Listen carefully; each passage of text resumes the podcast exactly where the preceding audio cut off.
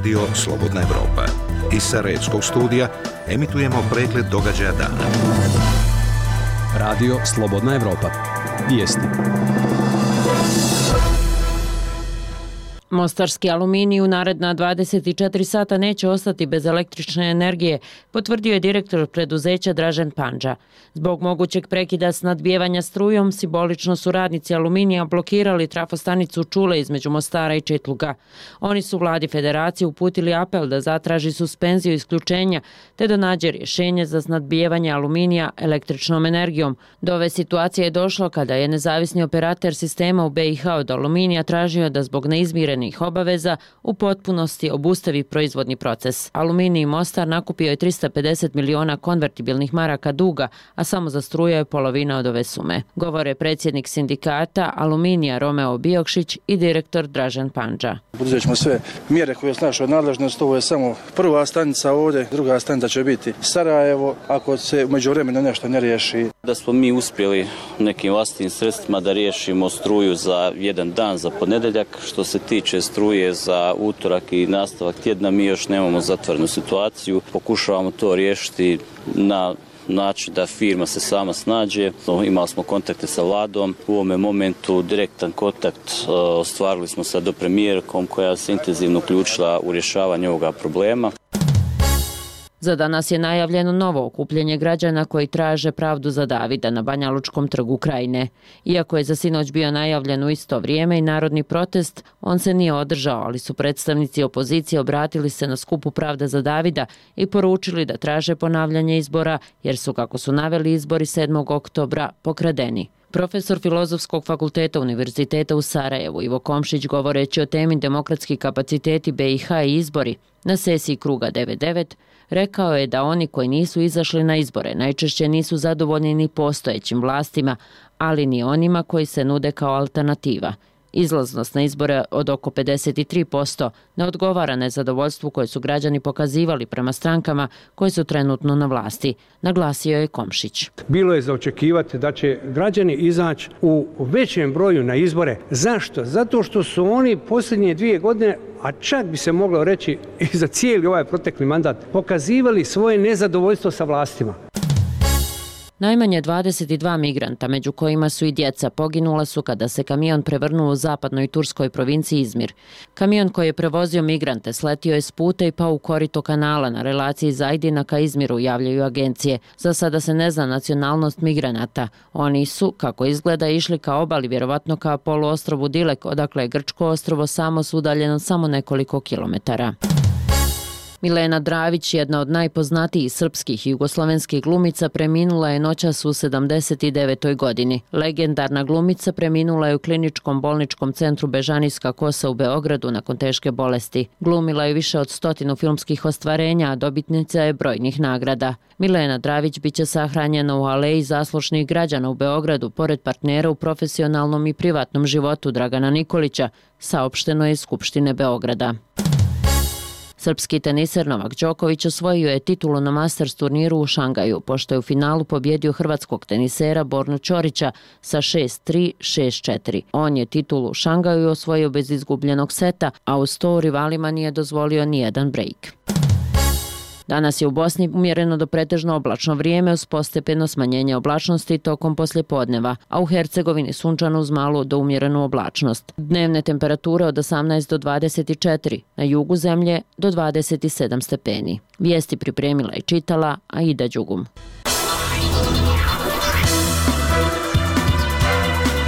Radio Slobodna Evropa, program za Bosnu i Hercegovinu. Na vratima Evrope. Emisija o evropskim integracijama.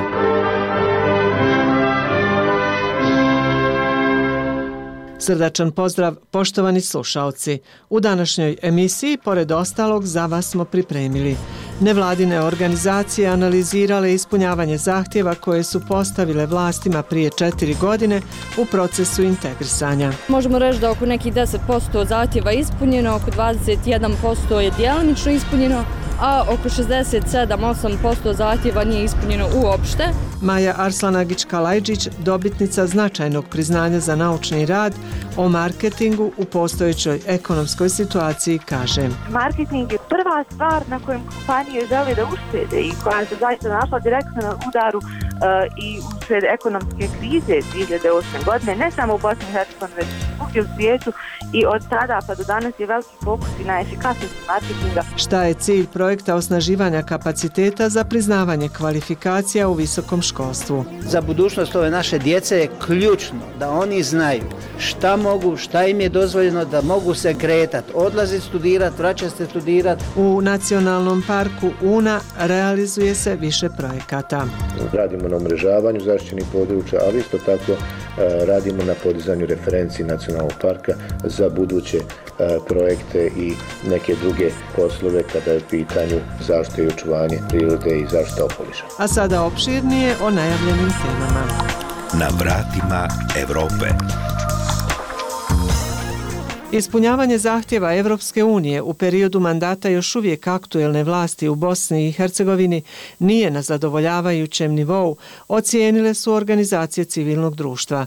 40 nevladinih organizacija okupljenih u inicijativi za monitoring evropskih integracija pred političare su postavile zahtjeve koji se odnose na demokratizaciju, vladavinu prava i ostvarivanje ljudskih prava.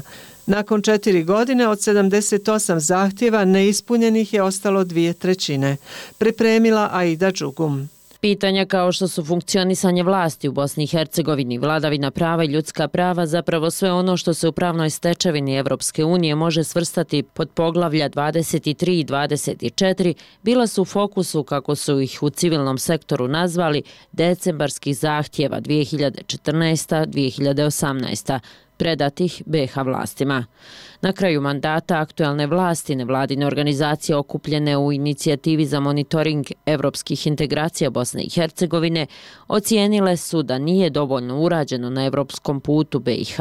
Amina Dizdar iz Sarajevskog otvorenog centra, jedne od 40 članica inicijative, kaže. Možemo reći da oko nekih 10% zahtjeva ispunjeno, oko 21% je dijelimično ispunjeno, a oko 67-8% zahtjeva nije ispunjeno uopšte.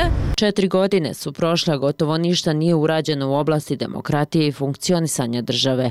U ovoj oblasti u potpunosti nije ispunjen niti jedan zahtjev, djelimično ispunjeno oko 28% zahtjeva, dok je neispunjeno ostalo više od 70%, kaže Rasim Ibrahimagić iz inicijative za monitoring evropskih integracija. Moramo napomenuti da u ovu oblast padaju pitanja poput izrešenja presuda Evropskog suda za ljudska prava u Strasburu, slučajima diskriminacije kao što su predmeti Sediće Finci, Zornić Pilav i drugi. Zatim e, tu su pitanja izmjene izbornog zakona Bosne i Hercegovine koje bi trebale da uvedu potpunu transparentnost u smislu prihoda i rasuda političkih stranaka, ali također i pitanja koja se tiču recimo održavanja lokalnih izbora u gradu Mostaru koji evo već 10 godina je dakle proteklo od održavanja posljednjih lokalnih izbora u Mostaru. Za razliku od zahtjeva koji su u vezi sa funkcionisanjem države, nešto bolja situacija i u oblasti vladavine prava, napominje Ibrahim Agić. E, možemo reći da je tu stanje malo bolje, međutim i dalje nezadovoljavajuće, s obzirom da je e, tek nešto preko 20% zahtjeva ispunjeno,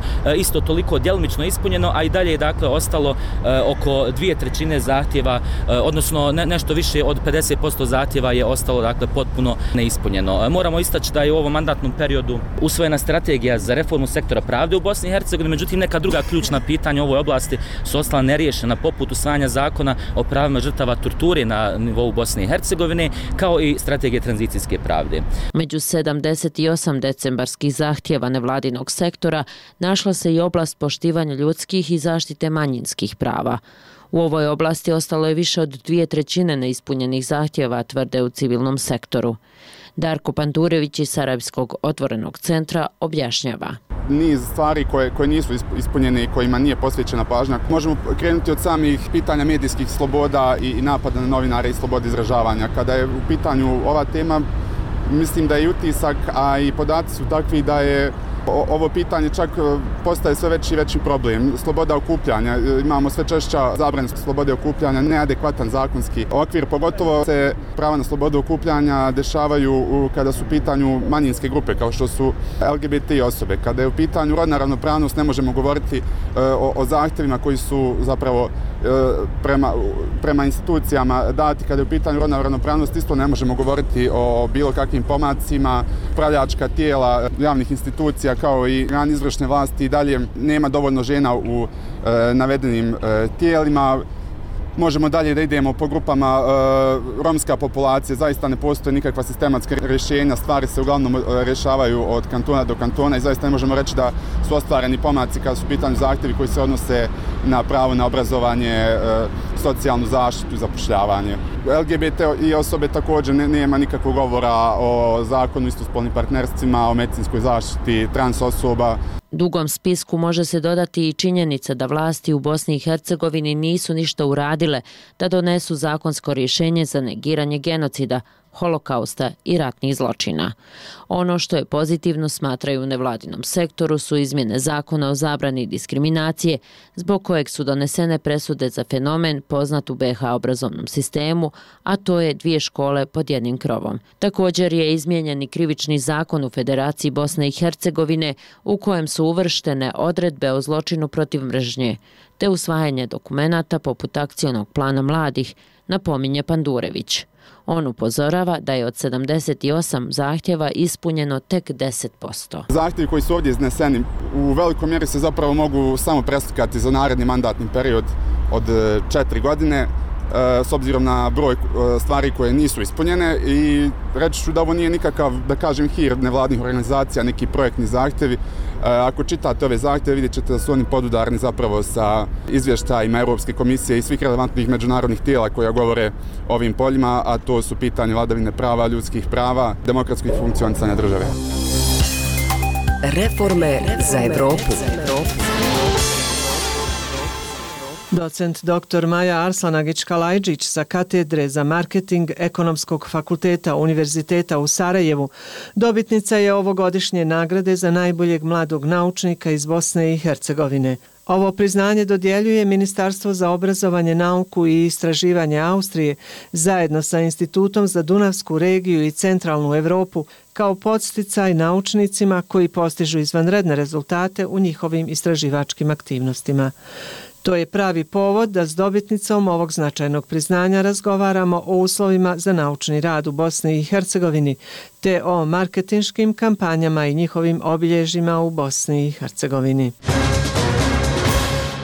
Molim vas da prvo kažete za koje projekte, odnosno istraživanja, ste dobili značajno priznanje Austrijskog ministarstva za obrazovanje, nauku i kulturu. Priznanje generalno nije usmjereno na uh, pojedinačnu oblast svi koji su e, bili aktivno zaposleni na visokoobrazovnim institucijama ili na istraživačkim institutima su se mogli prijaviti. Ono što je bio osnovni kriterij jeste istraživanja koja su se provodila i e, objavljenost tih istraživanja, dakle koliko su ona u proteklom periodu bila aktualna i objavljena u naučnim žurnalima.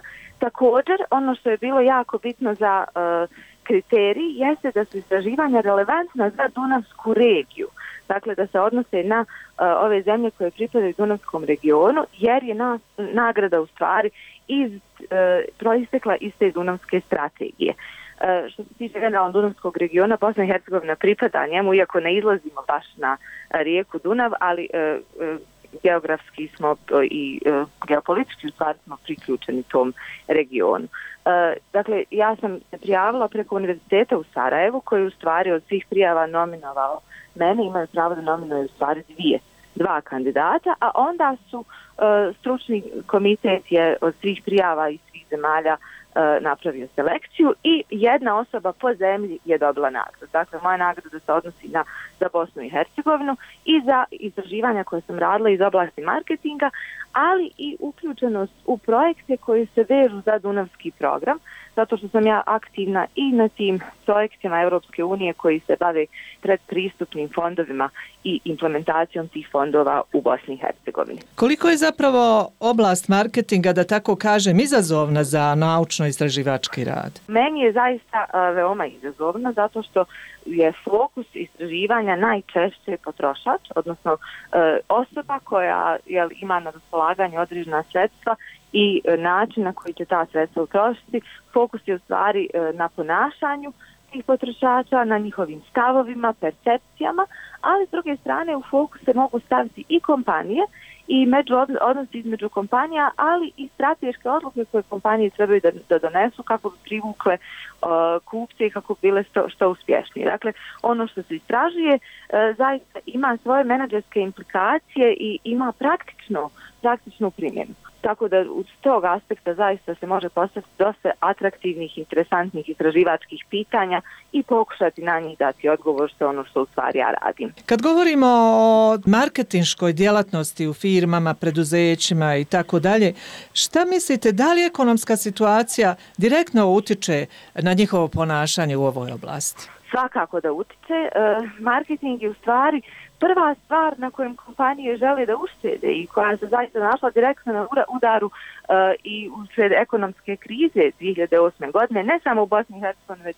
svugdje u svijetu i od tada pa do danas je veliki fokus i na efikasnosti marketinga, zato što je marketing stvar bio prisiljen da dokaže i pokaže efekte svojih aktivnosti, što je nekad vrlo teško. Dakle, e, kako izmjeriti da li se vratilo i koliko se vratilo ono što je kompanija uložila u neku oglašivačku kampanju ili što je uložila u brendiranje. To se može izmjeriti, ali je dosta komplikovano i efekti su na neki način odgođeni. Zbog toga kod nas kompanije zaista e, na neki način pristupaju marketingu poprilično uh, Eh, oprezno, da kažem, i e, ono što, što ja primijetim i što e, vidim iz razgovora sa kolegama iz prakse jeste da se ne pouzdaju toliko u stručnjake a što bi u stvari trebalo o, da bude slučaj, dakle da se za svoje aktivnosti konsultuju sa o, predsjednicima marketinških agencija, sa praksom, stručnjacima koji, koji zaista mi imamo. Dakle, ne samo ovo na, na naučnom nivou, već u praktičnom nivou imamo dosta marketinških agencija i u njima stručnjaka koji znaju svoj posao. Kad analiziramo tržište Bosne i Hercegovine, da li je dobro regulisana ova oblast, odnosno ponašanje oglašivača, ali i medija koji prenosi marketinške poruke? Da, kako da nije. Evo, baš e, nedavno e, je kolekcija e, sa kojom radim na ekonomskom fakultetu u Sarajevo bila uključena u jednu studiju, jedno istraživanje koje se upravo bavilo temom regulative i načinom na koje je oglašivačka industrija regulisana i e, dok, odnosno pokazali su da je e, nedovoljna regulativa i na nivou oglašivačke industrije, ali i na nivou medija. Tako da u stvari vi imate često slučaj da smo e, mi u Bosni i Hercegovini recimo izloženi porukama iz e, Republike Hrvatske ili Republike Srbije. E, prelivanje, priljevanje se dešava tih etakata ukoliko gledamo određene medijske kanale, a na to e, velike kompanije ili kompanije koje posluju u svim ovim zemljama i računaju zato što im e, više odgovara da e, jednom porukom dođu do više tržišta, a to se recimo ne bi smjelo desiti. To je samo jedan primjer uh, uh, neregularnosti kojih ima dosta i na kojima bi se u stvari trebalo dodatno poraditi. Koliko se uopšte u toj marketinškoj kampanji, da tako kažem, razmišlja o kupcima? Uh, pa znate šta, uh, ukoliko se želi adekvatan efekt, mora se razmišljati o kupcima i mora se u stvari znati uh, tačan profil osobe sa kojom se komunicira. Opet kažem, to profesionalci znaju i profesionalne marketinške agencije dosta pažnje posvećuju segmentiranju kupaca, targetiranju kupaca i pozicioniranju ovaj, u glavama i u svijesti kupca. E, dok ukoliko je u stvari kompanija sam svoj majstor, da tako kažem, onda se, onda se to ne dešava. Onda se vjerovatno šalje neka generalna poruka za sve, a u mi u marketingu znamo da to uh, stvar zaista nije dobro. Da je potrebno uh, suziti poruku i komunicirati sa tačno određenim kupcima i voditi o njima računa. Kako biste mogli ocijeniti odnos države Bosne i Hercegovine prema naučno-istraživačkom radu, a posebno mladih osoba? Svakako taj odnos nije na zadovoljavajućem nivou, ja bih rekla da zaista država generalno treba da što više ulaže u naučno-istraživački rad. Neki standard Evropske unije je 2% e, bruto društvenog proizvoda da se izdvaja za visoko obrazovanje i za istraživanje, dok je to kod nas na nivou nekog 0,02% ili nešto slično. Uh, pogotovo što zdravajuća okolnost je ta što mi imamo visoko obrazovanje na entitetskom, odnosno na kantonalnom nivou, tako da na državnom nivou se ni ne može puno toga učiniti. Imamo ministarstvo civilnih poslova koje u svom okrilju ima ocijek za nauku i istraživanje koje radi uh, koliko je aktivno, koliko ono to može da bude. Dakle, e, omogućava nam pristup međunarodnim projektima kao što su projekti Horizon 2020 i e, čak i objavljuje neke pozive za sufinansiranje istraživačkog rada. Međutim, kod nas se ti pozivi kreću nekih 10 do 20 hiljada maraka. Evo, poređenje radi Eh, u Beču gdje sam bila na postdoktorskom istraživanju, eh, profesor kod kojim sam radila je dobio projekat od 300.000 eura samo da se bavi svojim istraživačkim radom. Eh, Agencija za nauku mu je dodijela ta sredstva i rezultat toga u stvari su samo njegova istraživanja. Govorila je Maja Arslanagić-Kalajđić sa katedre za marketing Ekonomskog fakulteta Univerziteta u Sarajevu. Na vratima Evrope. Emisija o evropskim integracijama. Osnaživanje institucijskih kapaciteta za priznavanje kvalifikacija u visokom obrazovanju naziv je projekta koji je predstavljen u Mostaru, a čiji je krajnji cilj napuštanje sistema nostrifikacije diploma koji je u svijetu već zastario. Riječ je o projektu kojeg finansira Evropska unija u iznosu od 600.000 eura ili oko milioni 200.000 konvertibilnih maraka, a provodi ga konzorcij javnih obrazovnih ustanova iz Francuske, Latvije i Hrvatske u saradnji s Centrom za informisanje i priznavanje dokumenata iz područja visokog obrazovanja Bosne i Hercegovine. O ovom zanimljivom projektu informiše Mirsad Behram šuma različitih propisa. Tako bi se ukratko moglo opisati stanje procedura priznavanja kvalifikacija u visokom obrazovanju u Bosni i Hercegovini, čulo se uz ostalo na konferenciji u Mostaru. Zato je pokrenut projekat za poboljšanje sistema priznavanja kvalifikacija u visokom obrazovanju, što Evropska unija finansira sa 600.000 eura. Drugi čovjek delegacije Evropske komisije u BiH, Haldun Sino, kaže kako se, pored ostalog, želi pomoći BiH u poboljšanju priznavanja visokoškolskih diploma iz inostranstva. So in essence, the project U suštini u projektu kojeg danas pokrećemo radi se o ključnoj fundamentalnoj vrijednosti Evropske unije, a to je sloboda kretanja. Jer slobodu kretanja možete imati jedino ako diploma koju se stekli u drugoj zemlji je priznata gdje god da se želite skrasiti, otići i raditi. Bit projekta pod nazivom Osnaživanje institucionalnih kapaciteta za priznavanje kvalifikacije u visokom obrazovanju, ambasador Hrvatske u BiH Ivan Delvekio ovako objašnjava. Za budućnost ove naše djece je ključno da oni znaju šta mogu, šta im je dozvoljeno, da mogu se kretati, odlaziti studirati, vraćati se studirati, kad dobe tamo nekakve diplome da se vrate nazad i da znaju koju metodologiju mogu koristiti da se njihova diploma prizna. Upućeni tvrde kako je u BiH trenutno na snazi masa različitih neusklađenih pa i zastarjelih propisa. Voditelj Ureda za istraživanje, znanost i razvoj Sveučilišta Hercegovina, Marko Antonio Brkić, smatra kako nam treba fleksibilnost, ali kompetentna fleksibilnost prepoznavanja kvalifikacija stečenih u inostranstvu. Ta fleksibilnost omogućuje pod A da se neko zaposli i nađe zaposlenje na temelju kompetencija koje je stekao vani ili pod B da nastavi studij na višoj razini na temelju prethodnog postignuća koje je stekao na osnovu svoje kvalifikacije. Direktor Centra za informiranje i priznavanje dokumenata iz područja visokog obrazovanja Bosne i Hercegovine Damir Ljubić smatra da se u suštini radi o podizanju kvaliteta obrazovanja i sprečavanju uplitanja politike, a u najvećem dijelu ističe problem je zapravo do ljudi. Neka zakonodavstva kod institucija koja su zadužena za sustav obrazovanja, neke sitne stvari koje bi olakšale studentima priznavanje inozemnih kvalifikacija i ovdje i vani, to ne rade deset godina. To je čista lijenost, neodgovornost, nestručnost, nebrika. Eurozona. Eurozona. Eurozona. Eurozona. Mostar se kandidovao za titulu Evropska prijestolnica kulture 2024. pa je nakon skoro godinu dana rada u Evropsku komisiju upućena aplikacija na 60 stranica pod nazivom Sve je premostivo. Almir Mujkanović, član tima koji je radio na kandidaturi, inače direktor Narodnog pozorišta Mostar, kaže kako je u ovom dokumentu sažeta sva kreativna energija ljudi kulturne scene grada na Neretvi. Vjerujemo da bi eventualno dobivanje te titule iz korijena promijenilo i percepciju samog Mostara u svijetu, promijenilo bi sliku grada i što je vrlo važno i kod naših građana jer mi nekad smo i prekritični. Strategiju je sačinio veliki broj aktera kulturnog života u Mostaru, ali i jedan priznati ekonomista Vjekoslav Domljan, koji ima veliko iskustvo u izradi lokalnih i regionalnih strategija. Evo šta je po njegovom mišljenju jedan od najvećih aduta Mostara. Postoje na ovim našim prostorima dvije razdijelne linije koje se sreću. Jedna ide od Baltika do Jadrana, koja razdvaja istočno i zapadno kršćanstvo, i jedna koja ide od Crnog mora do Jadrana, koja razdvaja kršćanstvo od islama. Obe te dve linije prolaze kroz BH i kroz Mostar. Dakle, nama je sad cilj pokazati kako se može odvijati život uz duž ovih linija.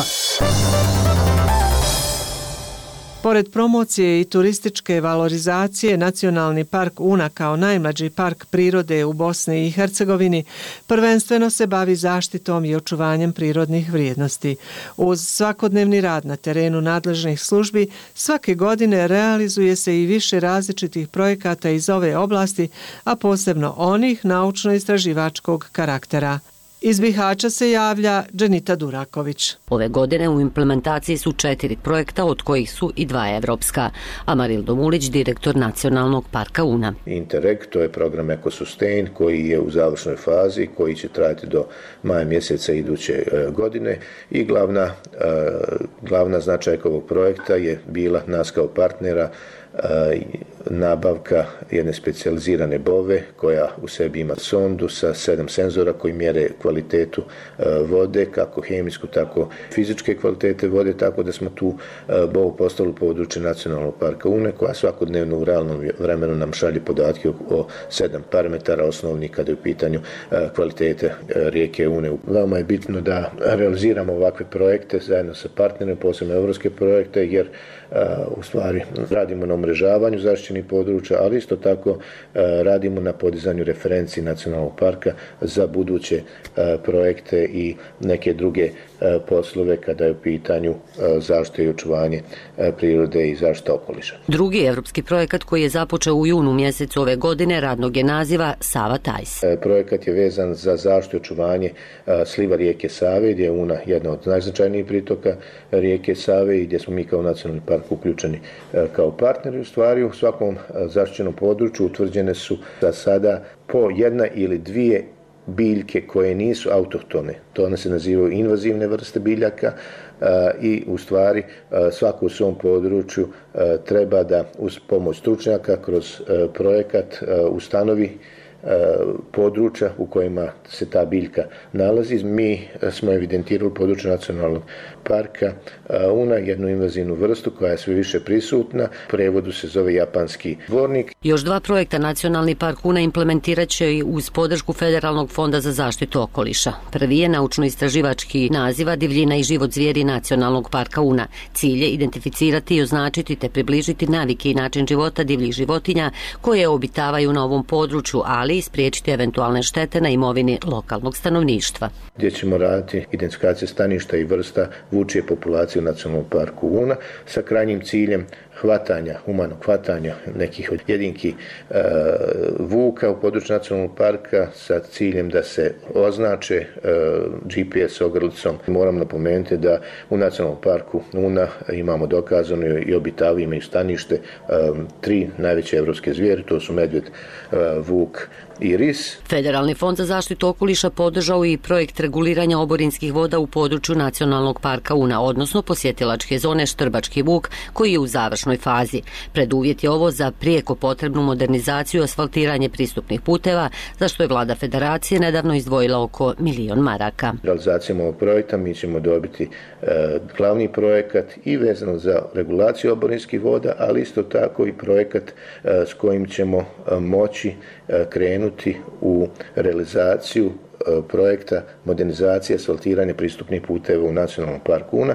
E, vi znate da je vlada Federacije Bosne i Hercegovine u junu mjesec donijela odluku o prestrukturiranju milijon konvertibilnih maraka u namjenu modernizacije asfaltiranja pristupnih puteva u nacionalnom parku Una.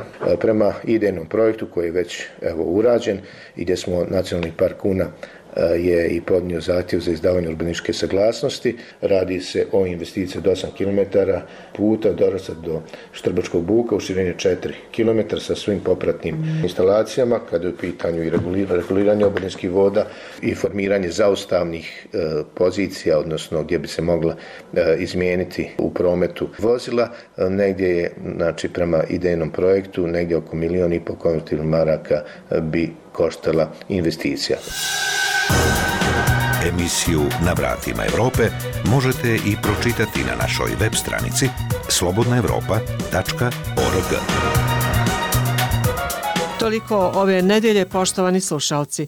Hvala na povjerenju i ugodno poslijepodne podne. Želim vam Enes Hrnjičić i Gordana Sandić Hadži Hasanović.